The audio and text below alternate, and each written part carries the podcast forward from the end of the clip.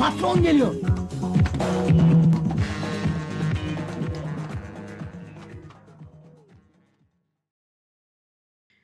Merhabalar, LTD ŞT'nin 5. bölümüne hoş geldiniz. Ben Çağdaş. Bugünkü bölümümüzün adı Kendine Kötü Davran. Bir insan kendine neden kötü davranmayı seçer? Sanırım e, yani en basit cevabı kendinden memnun değilse. Yani bir başkasının kötü davranmasıyla aynı sonuç bu. Demek ki siz de kendinizden memnun olmayabilirsiniz. Peki bu memnuniyetsizlik durumlarında ne yapmak gerekiyor? Ee, birincisi depresyona girebilirsiniz. Ee, fakat depresyona girmek özellikle e, bu, bunu öğrendikten sonra hakikaten bende de bir e, değişim yarattı. İnanç Ayar'ın podcastleri var. E, dinlemenizi tav- tavsiye ederim. İnanç Ayar 12. bölümünde galiba şöyle bir şeyden bahsediyor. Depresyon diyor ki aslında bizim e, benliğimizin şu zamana kadar oluşturduğumuz benliğimizin yıkımından dolayı bir depresyona giriyoruz. Demek ki e, bu proje tutmamış. Ortada bir sıkıntı var ve o proje tutmamış ve biz depresyona girmişiz. Diyor ki bu bir işaret aslında diyor. Demek ki e, bizim artık yeni bir projeye başlamamız lazım kendi adımıza. Dolayısıyla depresyon aslında iyi bir şey, bir işaret ve daha önceki projenin başarısızlığı yeni projeye de başlangıç için bize zemin hazırlayan, bize e, bizi aslında motive etmesi gereken bir süreç. Biz o süreç boyun o süreç e, boyunca aslında kendimizi tekrar sorguluyoruz.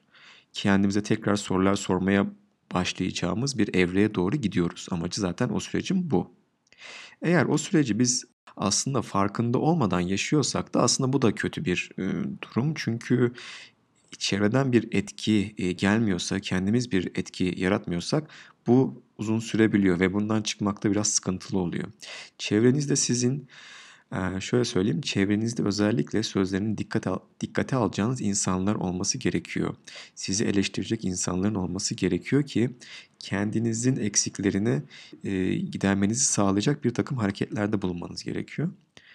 İşte bu da ancak e, farkındalıkla oluyor. Birinin ya da kendinizin otokontrolle farkındalığınızın olması gerekiyor ya da dışarıdan bir kişi size bu farkındalığı tetikleyecek. Peki e, sonuçta kendimize kötü davrandık, bir depresyon sürecine girdik, buradan çıkmaya karar verdik diyelim. Bu arada biraz konuya herhalde balıklama daldım daha önceki bölümlerde bahsettiğimiz bazı şeyler vardı. Biz bir çıkış yolu aradık, bir şirket açtık ve bu şirketin bir temellerini atmamız için de kendi amaçlarımızı öncelikle sorgulamaya başladık. Kendimizi tanımaya başladık. Kendi yolumuzu çizmeye başladık. Fakat e, işte bugünkü konuyla bağdaştıracağım şey şu. Bizim şu ana kadar mevcut yeteneklerimiz aslında bizi daha ileriye götüremiyor olabilir. Yani bizim bakış açımızı daha fazla genişletmemiz lazım.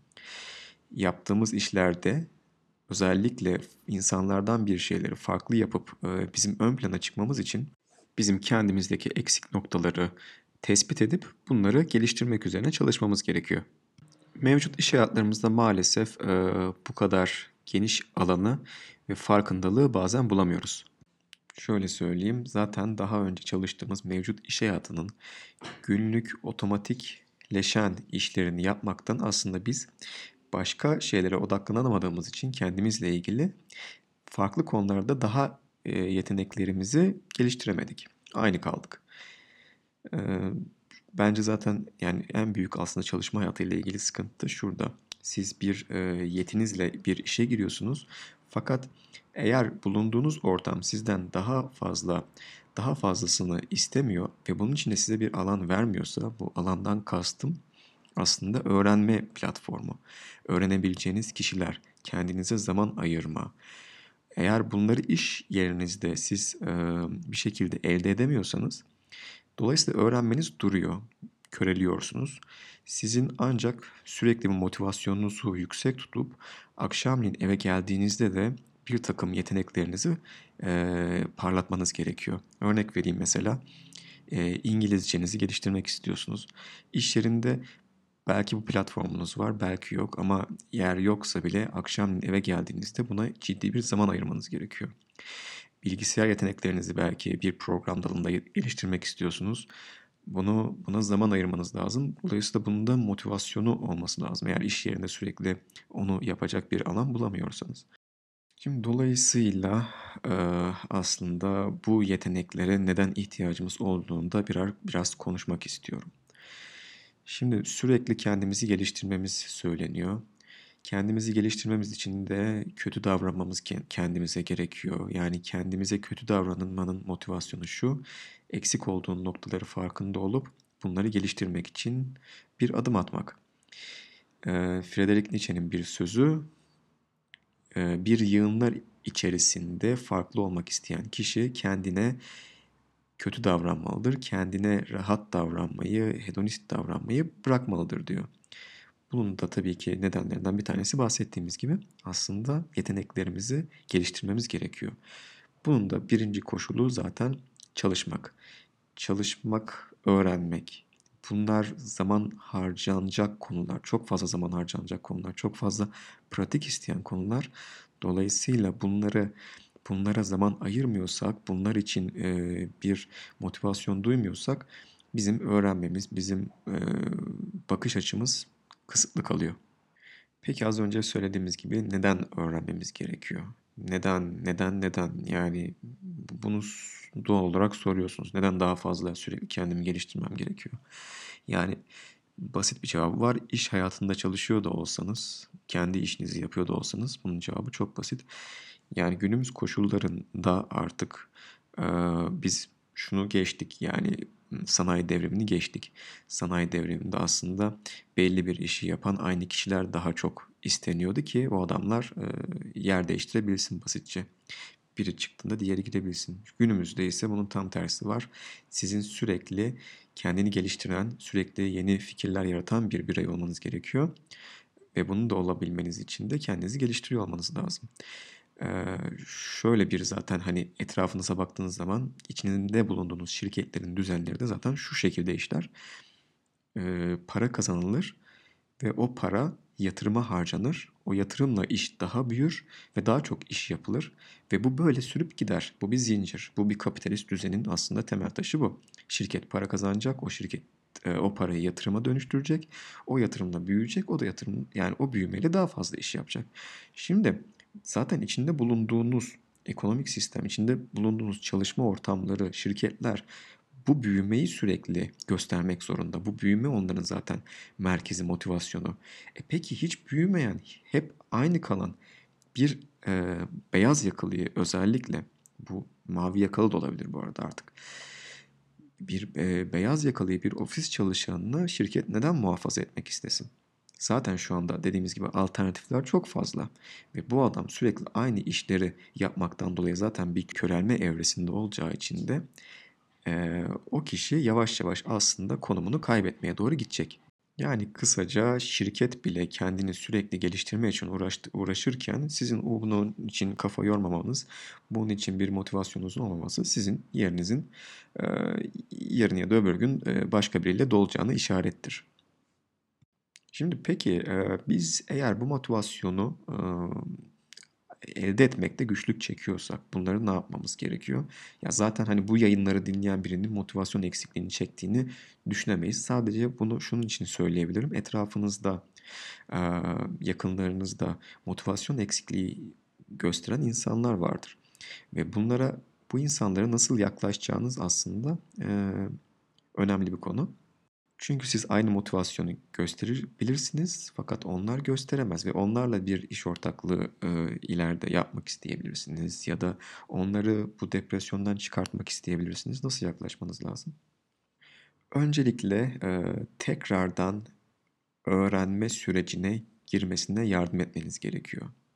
Bu onun sevdiği bir konu olabilir. Bu yeter ki bir öğrenme sürecine tekrardan ama başka şimdiye kadar yaptıklarından farklı olarak Bunda çok fazla örnek verebiliriz. Mesela spor yapmayı öğrenmeye başlayabilir. Sağlıklı beslenmeye başlamayı öğrenebilir. Ama bunun için kendi bir şeyler yapması gerekecek. Etrafından onu uyaran, hadi gel şuraya gidelim, hadi gel şunu yiyelim, hadi bak şunu yapalım diyen birileri olmadan tamamen kendi kararları, kendi e, sorularıyla bir cevap arama durumu onda bir şeyleri tekrardan o nöronların tetikleyecek, o öğrenme e, çarkı açılacak zihnindeki. Bu gerekli öncelikle. Bu öğrenme çarkı içinde e, yani şöyle söyleyeyim siz ona istediğiniz kadar e, kitaplar verin, istediğiniz kadar e, YouTube'dan işte motivasyon şeyleri izletin, filmler izletin. Yani bazı noktalar var insanda işte bunun neden e, öyle olduğunun kökünü algılamak gerekiyor. Ya bazı insanlar onu tetikliyor ya hayatta bazı işte duyduğu sözler onda bir yankılanma yapıyor. Ama bunun cevabını o insan kendisi bulacak. Eğer e, depresyona girmesi gerekiyorsa da depresyona girecek. Çünkü bu aslında iyi bir şey. Ona sadece belki de söylemeniz gereken tek şey senin depresyonun iyi bir şey. Bu sana bir işaret. Demek ki bazı şeyler yolunda değil. O zaman bazı şeyleri yoluna koymak için bir şeylere başla, harekete geç. İşte bunun sinyali depresyon ve bunu belki söylemeniz gerekli ve belki bunu başka yerlerden de duyması gerekli. Bunu kendiniz için de söylüyorum yani siz de bunu hissediyorsanız bunu uygulayabilirsiniz.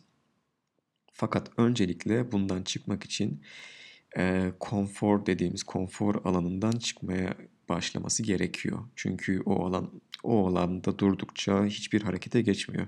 Konfor alanından çıktıktan sonra bir korku e, zone dedikleri, fear zone dedikleri korku alanı var. Bu korku alanının içerisinde bizim bahanelerimiz var.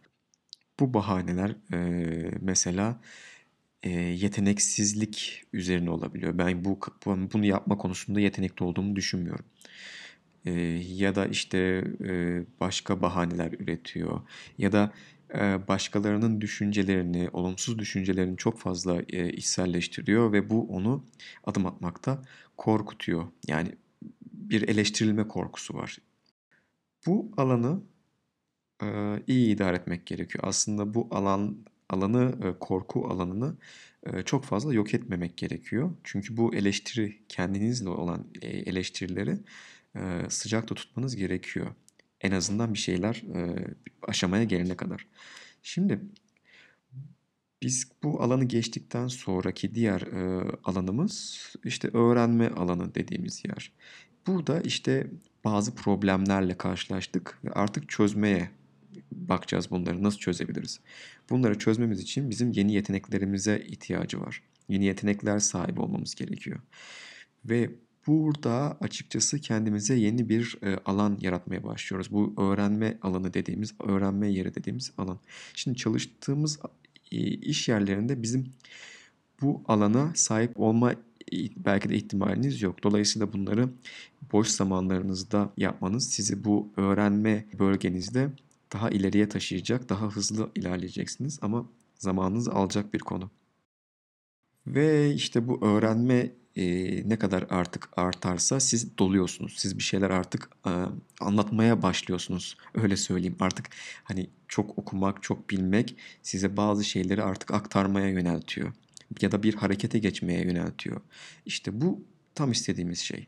Harekete geçmeye başladığınız anda amaç peşinde koşmaya başlıyorsunuz. Daha fazla artık hayal kurabiliyorsunuz. Çünkü e, onun e, artık şeyleri sağlam, temelleri daha sağlam.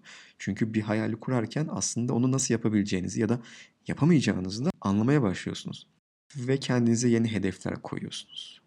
En güzel tarafı da burada. Yani daha önce koyamadığınız hedefler koymaya başlıyorsunuz.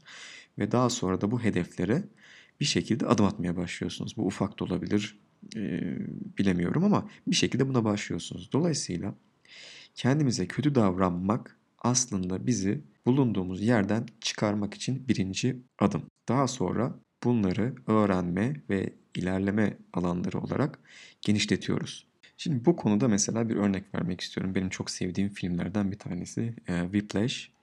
Whiplash'i tekrar hatırlayalım. Orada bateri çalmak e, tutkusu olan bir genç var e, ve bir okula kayıtlı ve bu okulun da aynı zamanda e, bir üst sınıfı var ve bu üst sınıfta daha e, yetenekli, daha profesyonel çalan insanların bulunduğu bir yer. Ve buranın da bir yöneticisi var, bir hocası var. İşte bu Fletcher dedikleri e, kişi, filmi izlemeyenler vardır muhakkak ama Fletcher'ın e, oradaki pozisyonu şu. Ee, o bir yönetici, o bir korayı yönetiyor, orkestrayı yönetiyor. Fakat e, tavırları, tarzı sert bir adam. Yani karakteri çok sert, çok keskin, köşeli, net bir adam. Ve dolayısıyla şimdi bunu müzik e, açısından değerlendirirsek Fletcher sert bir müzik hocası. E, oradaki bizim bataristin oğlanın da adını hatırlayamadım. E, oğlanın da oradaki pozisyonu kendini geliştirmek isteyen bir genç olmak. Tutkuları var, dinlediği, hayran olduğu insanlar var ve amaçları var. Amaçlarına ulaşmak için de bir yoldan geçmesi lazım. Fletcher zaten işte böyle yetenekleri arayan bir adam. Bunların yolları kesişiyor e, ve Fletcher bunu kendi grubuna alıyor. Fakat o grupta daha ilk günden yani adamın resmen ağzına ediyor. İlk başta aslında yumuşak davranıyor fakat e, dediğimiz gibi keskin e, bölgeleri var adamın ve o bölgeleri sen geçtiysen bunun hakikaten de sana çok net bir şekilde cevabını veriyor. Çocuğu baya bir e, beter ediyor o gün. Şimdi burada çocuğun e, iki çıkışı var. Ya pes edecek ya da hatalarından ders alacak. Ve o çocuk kendine kötü davranmaya başlıyor. Kendine acı çektirmeye başlıyor. Çok enteresan bir gelişim süreci başlıyor o anda. Farkındalığı başlıyor. Ve adamın sadece gözüne girmek için tekrardan o fırçaları o grubun içerisinde yememek için çalışmaya başlıyor çocuk. Daha fazla çalışmaya hatta ellerini kanatırcasına davul çalıyor sürekli. Fakat adamın baskıları her gün artıyor. Yani tatmin edemeyeceğiniz bir adam karakteri. Sürekli baskı yapıyor, sürekli baskı yapıyor. Hatta birkaç kişiyi birbirine kırdırarak seni ilerletmeye çalışıyor. Ve işte o ana karakterimiz de zaten işte bu yolda sürekli bir yerlere çarpıyor. Ama bu çarparken de aslında gelişiyor farkında olmadan ve çok enteresan bir noktaya denk geliyor. Pes etme noktasına. Pes ediyor karakter. Bu pes etme noktasından sonra aslında amaçlarından da koptuğunu hissediyor yavaş yavaş. Çok fazla tabii bu detayları anlatmayacağım ama diğer e, anlatmak istediğim yere hemen zıplayacağım. Pes ettikten sonra bir zaman sonra bunlar tekrar karşılaşıyorlar. Çünkü işte Fletcher e, başka bir barda çalıyor ve o da dinlemeye gidiyor. Tabii tesadüf çıkmıyor da dinliyor, oturuyor adamın bitmesini, e, performansının bitmesini bekliyor. Bittikten sonra zaten Fletcher onu görüyor. Gel bir oturalım diyor ya falan filan. Oturuyorlar ve orada konuşmaya başlıyorlar. İlk defa belki de dostane bir sohbet ediyor orada. Çünkü artık hocalık e, vasfından çıkmış. O gerilim ne bileyim yani o tansiyon yok orada. Fletcher'ın dediği orada çok güzel bir şey var. Benim orada yaptığım işi aslında kimse anlamadı. Ben orada sadece bir grubu yönetmiyorum. Yani herhangi bir diyor ki işte yani eline şey alan maymun da sallayabilir çubukları. Önemli değil bu. Ben orada insanları ön plana çıkarmaya çalışıyorum. Yeteneklerini parlatmaya çalışıyorum ve bunu yapmanın tek yolu da onları sürekli çalışmaya sevk etmek. Ve bu yöntemi e, sert olduğunu kabul ediyor ama bunun başka bir yolunun da olmadığını söylüyor. Çünkü diyor ki bir insana işini iyi yaptığını söylersem bu onun için aslında kötülük olacak. Çünkü o işin daha iyi yapılabileceği hakkında bir motivasyon vermiyorum. O yüzden de zaten bu kadar baskıya, insanları bu kadar limitlerine kadar itiyorum diyor. Şimdi çok uzattım belki ama benim hakikaten de çok değer verdiğim bir konu bu. Benim böyle insanlara da çok fazla saygım var. Ee, mesela Steve Jobs'ın kitabını da okursanız, e, Walter Isaac'ın yazdığı kitabı, orada da zaten Steve Jobs'ın aslında en büyük yöneticilik özelliğinin insanları limitlerine taşımak olduğundan bahseder. Olduğu gibi bir işi kabul etmeyip daha ileriye bu işin götürebileceğine inanıp insanları insanların yeteneklerini sınırlarına kadar zorlamaya çalışır ve bu onun en başarılı yöneticilik özelliğidir ve bu sayede iyi ürünler ortaya çıkartıyor. Ben buna açıkçası e, önem veriyorum ama bunun tabii ki çok ince bir dengesi olduğunu da biliyorum.